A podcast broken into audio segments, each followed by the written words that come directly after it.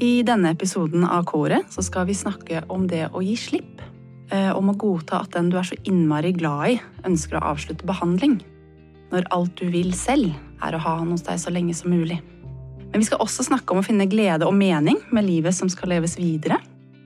Det er mindre enn ett år siden gjesten vår mistet pappaen sin, bare 22 år ung. Flere hundre tusen inspireres av matgleden hun deler på sosiale medier. Noen vil kjenne henne fra Melodi Grand Prix Junior. Andre fra Barnas restaurant eller Camp Culinaris. Velkommen til K-ordet, Ellen Irene Aabol. Tusen takk. Hvordan, eh, eller hvor var du da du fikk vite at pappaen din Jens hadde benmarkskreft? Av alle steder så var jeg på Kypros. Vi hadde på en måte visst at det var noe som ikke stemte, og at han var på sykehuset, og de prøvde å finne ut av hva det var. Eh, og så, så det hadde jo vært mange telefonsamtaler de siste dagene. Um, og så hadde jeg plutselig kjøpt leilighet mens jeg var på Kypros. I Norge, da, vel å merke. Og så står jeg på telefonen med um, Jeg står på telefonen med eiendomsmegler, og så ringer mamma. Og så er jeg sånn Å ja, jeg må legge på, jeg må svare der. Og så svarte jeg mamma, og så var det sånn Pappa benmargskreft. Og så ringer megler igjen. Det hørtes ganske heavy ut. Det var uh, ganske heavy. Men man var også litt sånn Jeg var i hvert fall litt i sånn sjokktilstand over alt som skjedde. Så det var også så mye adrenalin. Jeg visste ikke om jeg skulle le eller gråte eller alt. Så det var litt sånn, ja, hel, bare sånn ball av følelser. Men at mammaen din da liksom sa at det var benmargskreft, hvordan, da det fikk sunket litt inn, hvordan reagerte du? Det var jo bare gråting og vondt. Eh, for, eh, altså, for meg så har på en måte ordet kreft alltid på en måte vært sånn Du skal dø. Mm. Det er et monster, og det er farlig. Kjempefarlig. Um, og man, jeg visste jo at benmargskreft var en ganske farlig og aggressiv krefttype også. Eh, men jeg visste jo ikke så mye. Så ja, jeg gråt veldig mye og var ganske urolig, da, kan man si. Ja, og du var på Kypros. Hvordan var det å være så langt hjemmefra? Det var veldig ubehagelig. Det, alt jeg ville, var å hive meg på et fly og komme meg hjem. Men det kunne jeg ikke. Og selv hvis jeg hadde kommet hjem, så hadde jeg ikke kunnet møtt pappa med en gang heller. For uh, han skulle jo ikke bli syk nå, når han da hadde svekket immunforsvar og skulle begynne behandling, og vi visste ikke hvordan den behandlingen skulle bli. Og etter at jeg kom hjem òg, så tok det jo tid før jeg møtte han, fordi jeg ville forsikre meg om at jeg ikke hadde blitt smittet med noe på reisen eller på flyet. Hvordan var den ventetiden?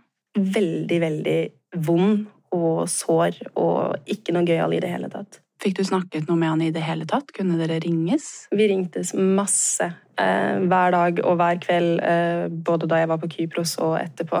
Hva snakket du og pappaen din om, da? Nei, altså Vi prøvde jo å holde samtalen litt lett og ikke snakke sånn altfor mye om kreften. Eh, pappa var jo veldig på gjennom hele sykdomsperioden at vi ikke måtte på en måte drukne i det. Så vi prøvde jo å snakke om andre ting, og jeg fortalte om det vi gjorde på Kypros, og prøvde å vise at det var fint og flott og koselig. Og det var jo det også. Jeg var der jo med en veldig god venninne. Eh, men det var jo også en veldig annerledes situasjon enn det vi hadde sett for oss, da. Eh, men ja, vi snakka jo også om kreften. Og pappa tok jo veldig den derre beroligende, betryggende rollen. Og det hjalp jo meg mye. Men eh, ja, jeg satt jo også med følelsen om at dette kan hende at det ikke går riktig veien. Og det gjorde jo resten av familien òg. Uh, og uh, ja. Jeg hadde jo full panikk og var jo helt ut av meg, fra meg, rett og slett. Så det Ja, prøvde å google og finne ut liksom, den faktiske statistikken og uh, forstå 100 hva sykdommen gikk ut på, og hvordan den skulle behandles og sånne ting. Og pappa forklarte jo prøvde jo så godt han kunne forklare, og mamma prøvde jo å forklare så godt hun kunne. Men de også altså, visste jo ikke helt hvordan behandlingen kom til å foregå, og hvordan sykdomsforløpet kommer til å se ut. ikke sant? Hadde du veldig sånn informasjonsbehov? Jeg trengte å vite alt jeg kunne. For meg så blir jeg beroliget av uh, å vite. Jo mer jeg vet, jo bedre er det. Så jeg ringte jo uh, Kreftforeningen sin egen sånn hjelpetelefon. Rådgivningstjeneste? Ja. Mm. Ringte den og spurte om litt informasjon og statistikk, og de var kjempegreie og fortalte det de kunne, og svarte så godt de kunne. Noe som hjalp meg veldig. Eh, og så var det jo ja, gå på alle informasjonssider som man kunne, og lese der også. Ja, for um, vi i Kreftforeningen har jo en rådgivningstjeneste som er en sånn gratis tjeneste for alle som er eh, berørt av kreft, enten det er eh, at du er, har fått kreft selv, eller at du er pårørende, eller en venn eller en kollega. Der kan man ringe eller chatte eh, og få gode, gode svar fra, fra, mine fine kollegaer der. Så det er godt å høre at du hadde en fin opplevelse med det. da. Mm. Vil du anbefale det videre? Det vil jeg absolutt anbefalt. Og det hjalp også å på en måte kunne snakke med noen som var litt um, utenfor. Ikke i kjernen av de som var berørte. Fordi det ble jo veldig sånn med en gang at ok, jeg bør egentlig ikke snakke med mamma og pappa om mine bekymringer rundt dette, da. Fordi de hadde mer enn nok med seg og sitt, følte jeg da. Så jeg ble litt sånn ok, nå må jeg samle meg, nå må jeg deale med dette på egen hånd, fordi de allerede har så mye å deale med, de òg. Du vil ikke belaste dem mm. med dine tanker? Rett og slett. Mm. Og det tror jeg er en veldig sånn naturlig reaksjon, egentlig. Og da, da, er jo det kanskje et veldig fint eh, tilbud, da. Den rådgivningstjenesten. Noen vil kanskje synes det er litt sånn skummelt å skulle ta den telefonen, eller Og kanskje tenke at eh, eh, Nei, jeg vil ikke være til bry for dem heller. Kanskje jeg tar opp en plass i en, en kø der. Men, eh, det, det, skal dere vite, at eh, der sitter det folk tilgjengelig og er klare for å hjelpe alle som trenger det. Så det er bare å ringe. Du har jo alltid vært veldig nær pappaen din. Kan du fortelle oss litt om Jens og hvordan han var? Jeg kommer til å begynne å gråte, jeg. han var verdens beste pappa. Jeg har alltid vært veldig nær foreldrene mine. Og pappa har liksom Både mamma og pappa, for den saks skyld, men pappa har eh, alltid stilt opp i stort og smått. Var det noe, så var han der. Det var mange ganger han kom kjørende til Oslo hvis jeg hadde det kjipt, eller hvis jeg trengte hjelp med noe. Og det var liksom han, På alle døgnets tider så tok han telefonen. Og fram til året før han ble syk, så krabba jeg opp i sengen med han liksom, og lå han holdt rundt meg da jeg hadde kjærlighetssorg. Og han var verdens beste pappa. Og han var en av de snilleste menneskene som jeg noen gang har møtt uh, og kjent. Han var alltid engasjert og interessert og ja Verdens beste. Det er det som måten å beskrive ham på. Hvordan eh, preget sykdommen han, da? Han Det er jo veldig sånn vondt, egentlig, å tenke over. Fordi han gikk jo fra å være en veldig sånn eh, klippe, da. Um, modig og sterk og veldig sånn støtte i livet. Til å forfalle ganske heftig. Han ble jo uh, rullestolbruker sittende i rullestol. Han ble lam i det ene benet, så han klarte ikke å gå. Og han hadde jo kjempemasse smerter i ryggen og gikk på masse medisiner og var jo helt neddopa.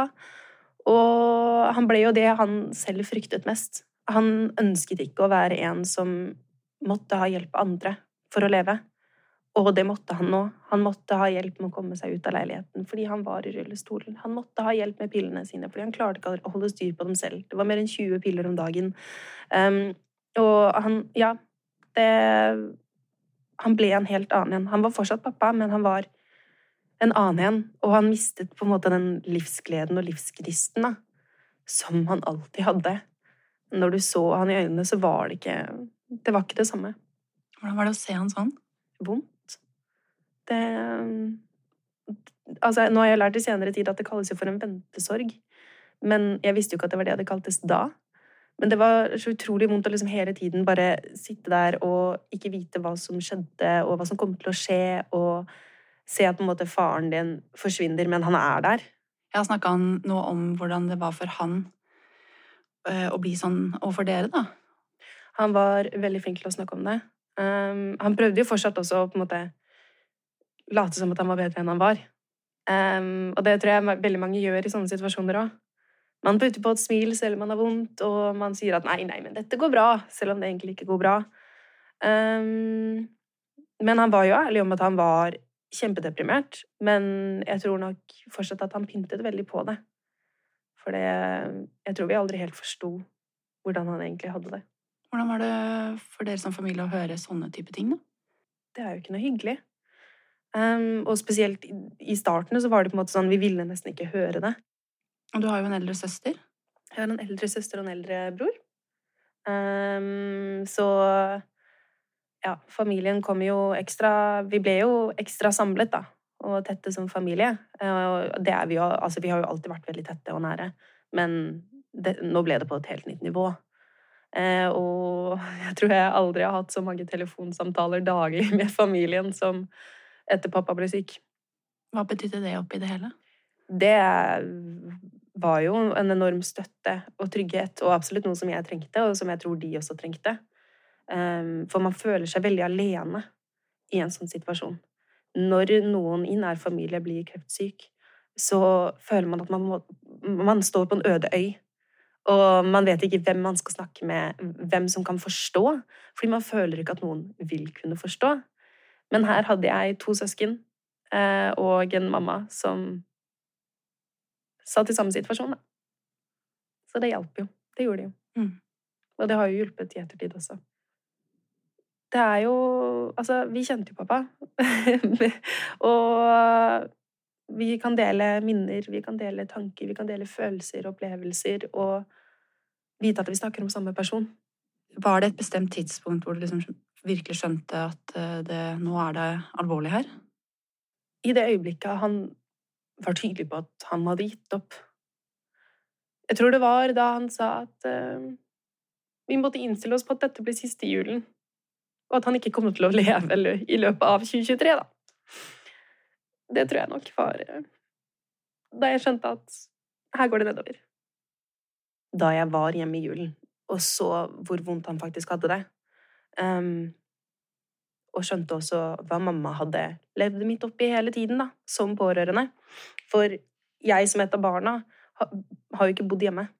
Jeg har ikke vært der hver eneste dag. Og selv om man får oppdateringer på, i Messenger-gruppa ikke sant, om at i dag skjer dette, og vi gjør dette, så var det ikke helt det samme. Og jeg kjørte han til sykehuset et par ganger og fikk se et glimt av det da. Men um, det var noe helt annet å være hjemme i julen og sove der og se liksom hele døgnet med han. Fordi han fikk diagnosen sommeren. Du var jo på sommerferie på Kypros.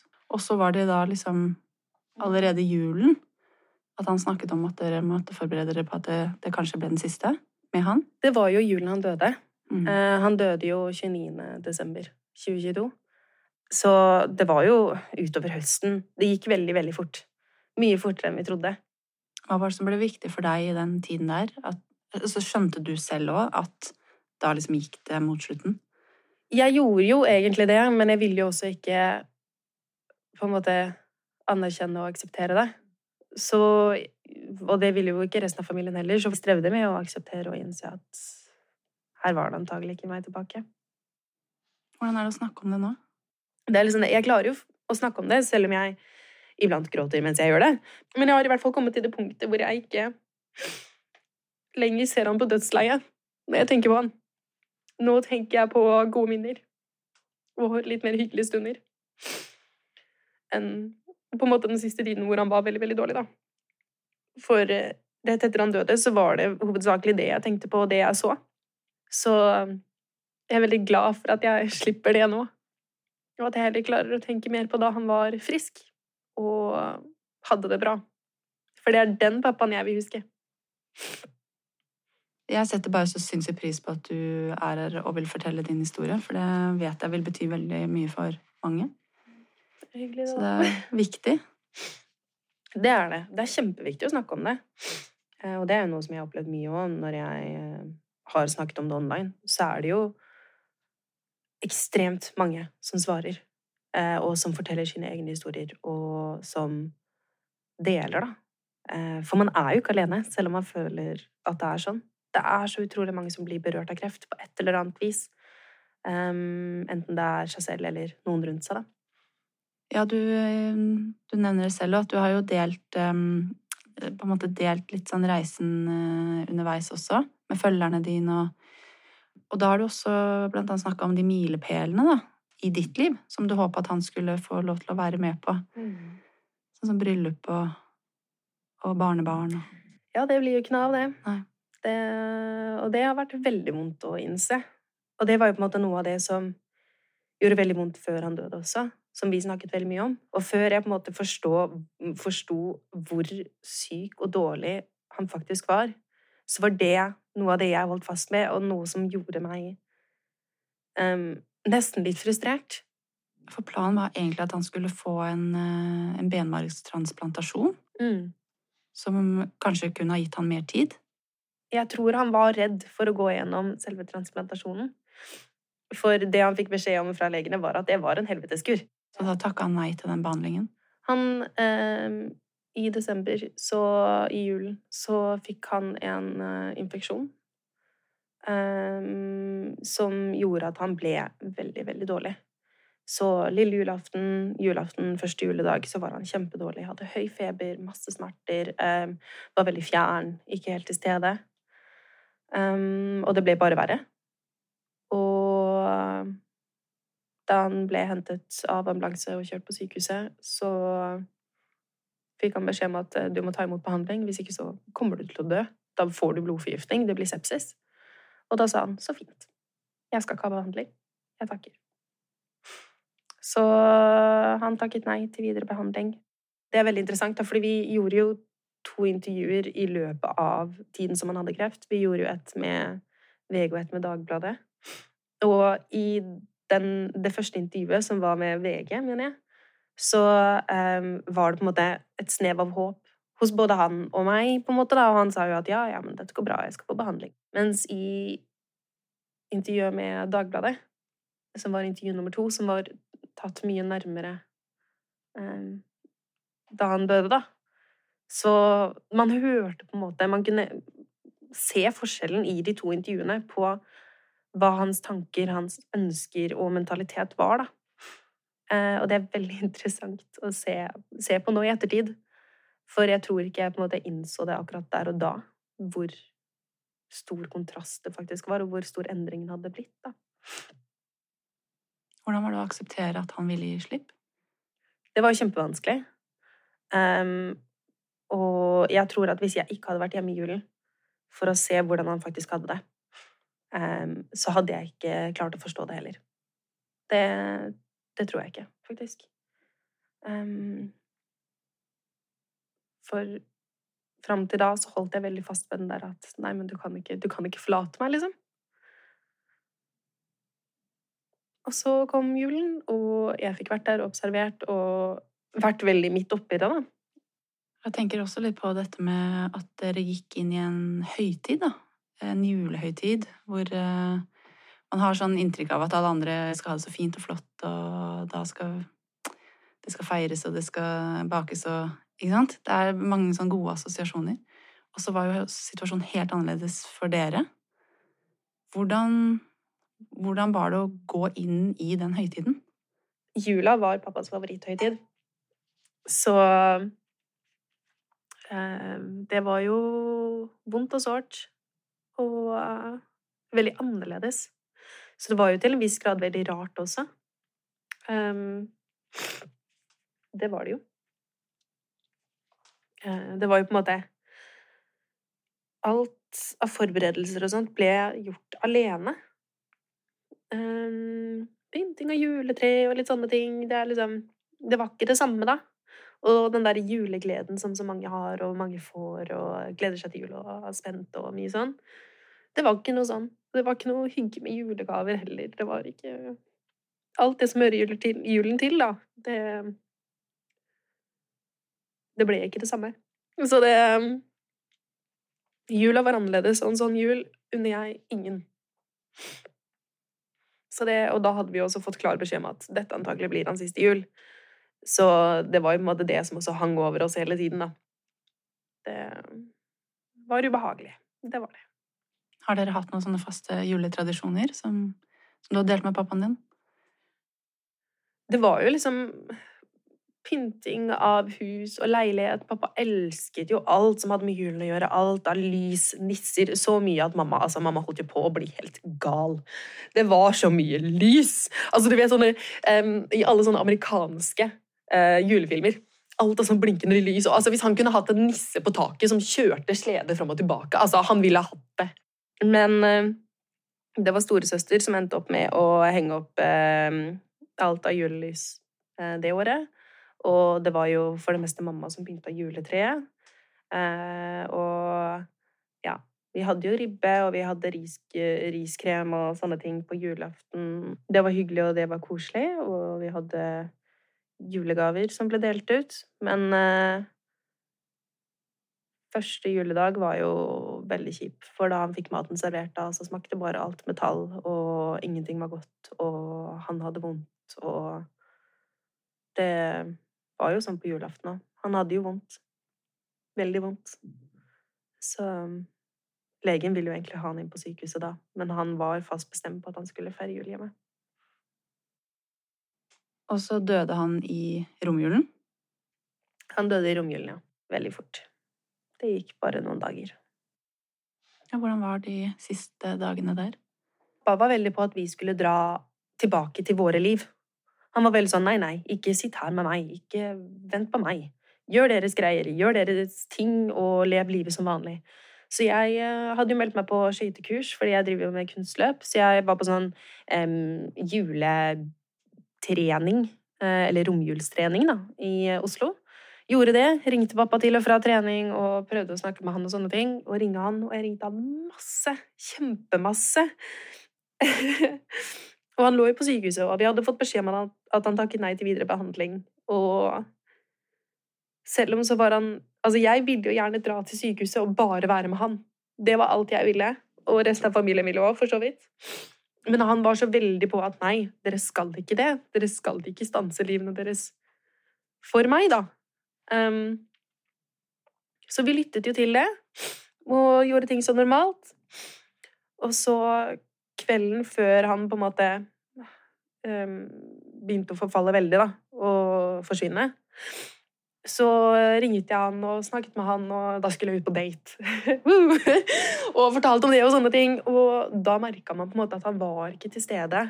Egentlig, Han var kjempefjern og veldig sånn sakte. Og, og så um, Da vi på en måte skulle legge på, så sa han sånn Ja, men du får sende video av uh, klærne du skal ha på, da. Fordi jeg hadde snakka så mye om at jeg hadde strevd med å finne ut hva jeg skulle ha på meg. Så sa han sånn Ja, men du får sende en video av hva du skal ha på deg. Og så sa han ja, det skal jeg gjøre. Og så sa jeg ok, men da snakkes vi senere. Ha det bra. Glad i deg. Og da bare la han på. Og det var egentlig det siste jeg fikk av svar fra pappa. Um, dagen etterpå fikk ingen svar. Og da fikk alle i familien telefon om at nå er det bare å komme. Da var det, jeg var på skøytetrening, så jeg bare heva meg skøytene, hev meg i bilen og kjørte av gårde. Det Det er Ja. Det er den lengste og verste kjøreturen jeg har hatt noensinne. Og det var liksom, Da jeg kom fram til sykehuset også, det var som Når jeg har sett tilbake på det, så blir det på en måte akkurat sånn som man ser det på film. Du bare racer inn på parkeringsplassen, hiver deg ut av bilen, springer inn på sykehuset, har ingen anelse om hvor du skal, og alle sammen er i en sånn blur. Du, du, klarer på en måte ikke fokusere, og når du skal formulere noe til resepsjonisten, så er det bare sånn Jens, Åbol, Jens Og det er liksom alt som foregår i hodet ditt, og hun peker deg nedover, og du løper, og du vet ikke hvor du skal gjøre deg, og du føler ikke at du, ikke at du klarer å stå på beina, men likevel så går de framover. Kom, jeg kom fram i syvtiden på kvelden den 28., og han sovnet inn på morgenen eh, den 29. Da fikk han hvile. Og det var det han ville. Og det er vondt å si, men det var også det vi ville. For ingen fortjener å ha det sånn som han hadde det. Hvordan har det vært for deg i ettertid? Tiden etterpå har jo vært Det har vært mye å venne seg til. Um, det var jo lenge det på en måte var sånn Å, dette skal jeg ringe og fortelle til pappa. Nei, det kan jeg ikke. Eh, og dette må jeg si til pappa. Nei, det kan jeg ikke. Um, og det har jo vært mye Altså, livet har jo blitt annerledes. Um, rett etter at alt var over, så dro jeg hjem og, og bodde hos mamma. Sov hos mamma i dagen etterpå og var bare med hun. Um, vi informerte jo online om at pappa var gått bort. Um, fordi det var jo så mange som hadde tatt del i hele pappas reise, ikke sant. Um, og så prøvde jeg egentlig bare å legge fram mobilen ikke svare, ikke Altså publisere, ingenting sånt. Uh, men det gikk jo ikke mer enn en uke før jeg var tilbake, og alt var som normalt da, uh, på sosiale medier, sånn egentlig.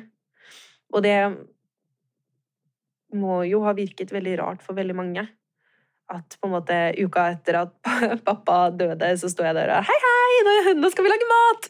Men for meg så var det en måte å takle sorgen på. Og deale med det. Um, og det var jo også et av pappas ønsker. Hans ønske var jo at vi skulle fortsette å leve. Vi skulle ikke stanse, vi skulle ikke stoppe, og vi skulle ikke drukne i sorgen. Og det var han så utrolig tydelig på òg, da. At vi måtte fortsette å leve. Um, så det var jo litt det jeg prøvde på. Um, men ja. Det, jeg gråt meg selv i søvn hver kveld og sto opp dagen etterpå, puttet på et smil og publiserte på sosiale medier. Og jeg fikk jo spørsmål den uka etterpå hvor jeg begynte å publisere igjen, med, fra folk da, hvor de var sånn Hvordan har du klart å komme så fort over faren din sitt dødsfall? Og det også var jo kjempevondt, men jeg skjønner jo også at noen kan stille sånne spørsmål med tanke på hvordan det virket online, da. Det var maske du tok på deg? Det var det. Men det var også en maske jeg trengte å ta på meg. For eh, hvis jeg ikke hadde gjort det, og jeg ikke hadde valgt å gå tilbake til normalen, så tror jeg at jeg hadde gått på en smell, altså. Da tror jeg at jeg hadde gått på veggen og vært helt satt ut av spill i lang, lang tid. Det tror jeg. Så for meg var det helt riktig måte å gjøre det på. Eh, selv om jeg vet at det ikke er måten å gjøre det på for mange. Eh, men for meg så fikk jeg på en måte en pause fra alt av tanker og følelser ved å putte på det smilet og gå online og late som at ingenting hadde skjedd, da, til en viss grad. Du gjorde det som man kan sies um, å være at du tente et lys istedenfor å forbanne mørket. For det er jo et valg man uh, Det er jo et valg. Det, ja. Det er vel det jeg valgte å gjøre da. Men så var det også ekstremt mye hjem til familien. Å være med familien, og det var på en måte det som var det viktigste for meg etter dødsfallet også. Eh, og det er det fortsatt. Jeg, er, altså jeg har alltid vært mye hjemme hos familien. Jeg har alltid snakket mye med både mamma og søsken og sånne ting, men det har vært ekstremt mye etter, etter at pappa gikk bort, da. Um, det har det jo. Og så ble det jo planlegge begravelse og litt sånne ting, og der var det på en måte mamma som tok hovedansvaret. Eh, vi fikk lov til å strø asken hans eh, fra Basteferga. Da jeg bodde i Moss, eh, så hadde vi utsikt fra terrassen ned til Basteferga. Og der ble det pappa, uansett vær, uansett årstid, å pakke på seg en tykk jakke og sånn lue og votter og alt. Han elsket den ferga. Og bare det. Sjøen også. Ferge og sjø og sånne ting. Han elsket det. Um, og ja, så det var helt utrolig at vi fikk muligheten til å strø aska derifra. For det var på en måte Han ønsket å bli strødd på havet der. Og det var litt lettere å samle folk og få dem på båtferga enn på en liten robåt. Og så ble det en veldig, veldig fin avskjed. Det ble akkurat den avskjeden vi ønsket oss. Så det er vi evig takknemlige for at vi fikk muligheten til. Ehm, det var eh, en måte som Altså, det var en avskjed verdig pappa, da, og hans minne, og veldig i hans ånd. Tre måneder etter at pappaen din døde, så gjorde du noe som, eh, som imponerte oss i Kreftforeningen enormt. For da mm, Vi har jo en stor innsamlingsaksjon i mars hvert år, der vi tar et krafttak for kreftforskning. Og du samla inn 500 000. Over 500 000 samla du inn. Det var mer enn 5600 mennesker som bidro inn i din innsamling. Det er bare så utrolig stort. Hva betydde det for deg? Det betydde alt. Eh, for min del så gikk det over all forventning. Eh, jeg tenkte liksom at uansett hvor mye vi kom til å samle inn, så var det i hvert fall bedre enn ingenting. Um, og jeg tenkte liksom at jeg satte meg et mål på 100 000. Klarer vi 100 000, så er det helt utrolig. Og så gikk vi jo Vi nådde jo 100 000 første kvelden eller noe. Det var jo helt ko-ko. Og det, altså, det er så utrolig, da, og så rørende å se hvordan folk har gått sammen eh, for å hjelpe noen andre. Um, for, og det er på en måte, Her har de jo heller ikke en spesifikk person de hjelper. ikke sant? Her er det jo bare å hjelpe mange. Um, og, og, det er så utrolig å se hvordan folk kan komme sammen og ja, nei, det gjør at man, får, man, man uh, fortsetter å ha tro på menneskeheten, da, rett og slett. Det, for det var jo liksom folk som sendte meldinger og var sånn 'Jeg har ikke så mye, men jeg har fem kroner.' Jeg, jeg, jeg gir de fem kronene jeg har til overs. Og det var andre som var sånn Å, nei, men jeg, jeg må bare vente til neste lønning. Og det var andre Altså, det var så mange da, som sendte melding og skrev at uansett hvor mye eller lite de hadde, da, så ville de bidra. Og det var jo også folk som var for unge til å kunne gi, og selvsagt folk som ikke hadde økonomien til det. Og det er lov, det er jo fullt forståelig. Det er ikke alle som har muligheten til det. Det å kunne donere penger er et privilegium. Um, men de bidro også ved å dele innsamlingen. Og det også er bare så rørende, da. At, eh, at de på en måte valgte å hjelpe på den måten òg. De delte det videre i sosiale medier? Ja. Mm. De delte budskapet, de delte innsamlingen og lot folk vite om at dette skjer. Um, som igjen gjorde at de nådde enda flere, ikke sant. Uh, og det, det, var helt utrolig. Sånn, eh, et uttrykk for omsorg? Mm.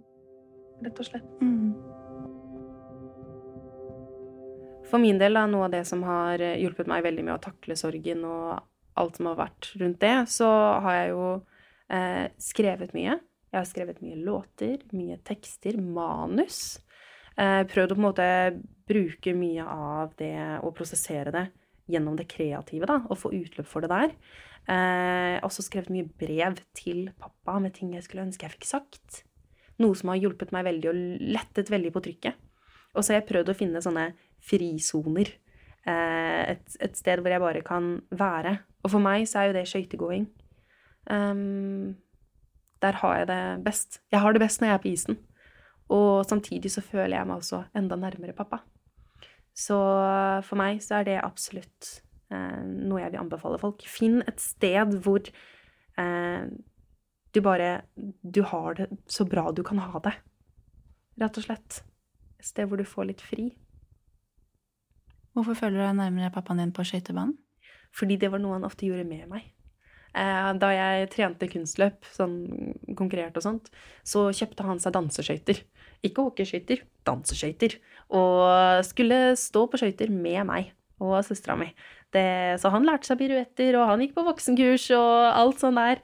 Så det, og han elsket Altså, han var jo den største liksom, heiagjengpersonen noensinne. Hva enn vi barna gjorde, så var det sånn Ja! Kjør! så ja. Nei, jeg føler meg alltid veldig nære foreldrene mine når jeg driver med hobbyene mine. Det gjør jeg. Jeg synes det er et veldig godt tips, egentlig, at man kan finne seg sine sånne frisoner, da. Mm. Um, nå går vi jo inn i en uh, jul igjen snart. Mm. Uh, og det blir en jul uten Jens. Hvordan tror du det blir? Fytti rakkeren, jeg gruer meg! Jeg har eh, Jeg skal ingenting i julen, men jeg er fullbooket. Eh, for jeg skal være hjemme. Det blir en veldig annerledes jul. Så det blir jo da to annerledes juler på rad. Det blir det. Um, og det blir nok veldig sårt og vondt. Men man klarer nok å se noe fint i det òg. Uh, selv i de verste stunder så er det alltid noe fint. Og første gangen jeg hørte det, så var jeg sånn Hold kjeft, liksom. Drit i. Det kommer ikke på tale. Nei, det er ikke noe fint med noe av dette. Men så har det på en måte vokst litt på meg, fordi det er sant. Selv i de vondeste, mørkeste stunder så er det noe fint, og det finnes alltids et lys.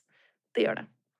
Um, jeg er heldig. Jeg har en familie som er der, og som jeg er veldig glad i, og som heldigvis er veldig glad i meg òg. Og ja, det, det, er nok det som gjør at jeg kommer meg gjennom jul i år.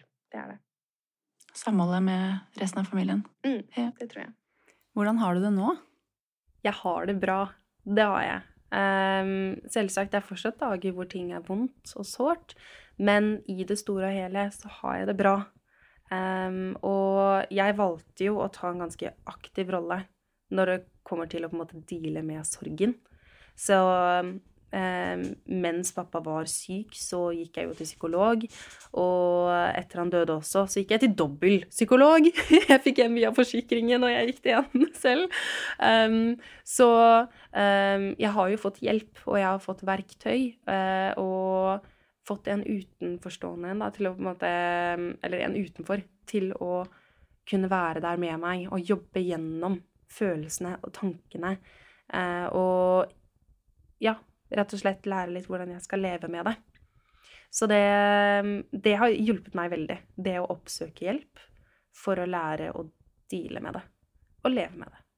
Så det Absolutt. Og også det å høre andres historier og hvordan de har klart å komme seg videre med det også. For man lærer seg å leve med det. Og for hver dag som går, så blir det litt lettere. Og det, det er sannheten. Det, man glemmer det ikke, men man lærer seg å leve med det. Og på et eller annet tidspunkt så klarer Det går på en måte fra Det kommer et sånt vendepunkt hvor det går fra 'dette er vondt, og dette er kjipt', til 'men herre min, se på alle de fine stundene vi har hatt'. Og da det vendepunktet kom for meg, så ble alt så mye lettere. Og det kommer. Det kommer.